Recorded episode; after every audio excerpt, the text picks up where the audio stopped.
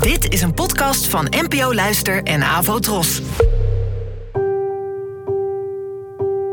Poëzie vandaag. Met Ellen Dekwits.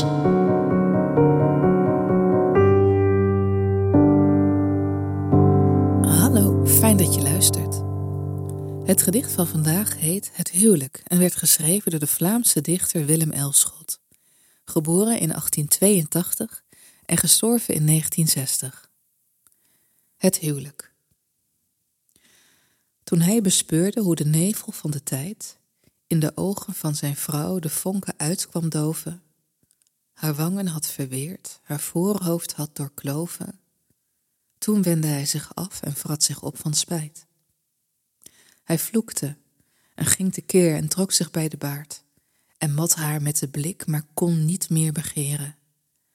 Hij zag de grootste zonde in duivelsplicht verkeren en hoe zij tot hem opkeek als een stervend paard.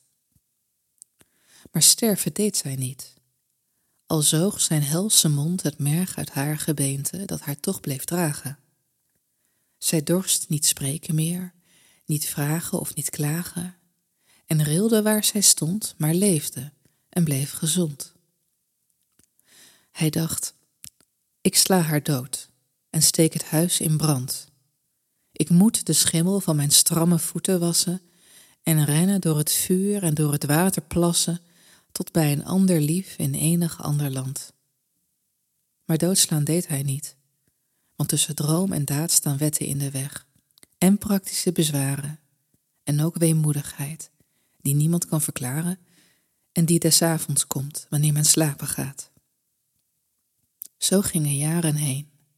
De kinderen werden groot en zagen dat de man die zij hun vader heten, bewegingsloos en zwijgend bij het vuur gezeten, een godvergeten en vervaarlijke aanblik bood. Ja, dit is een van de bekendste gedichten uit de 20e eeuwse Nederlandstalige poëzie, met natuurlijk die beroemde regel dat tussen droom en daad wetten in de weg staan en praktische bezwaren.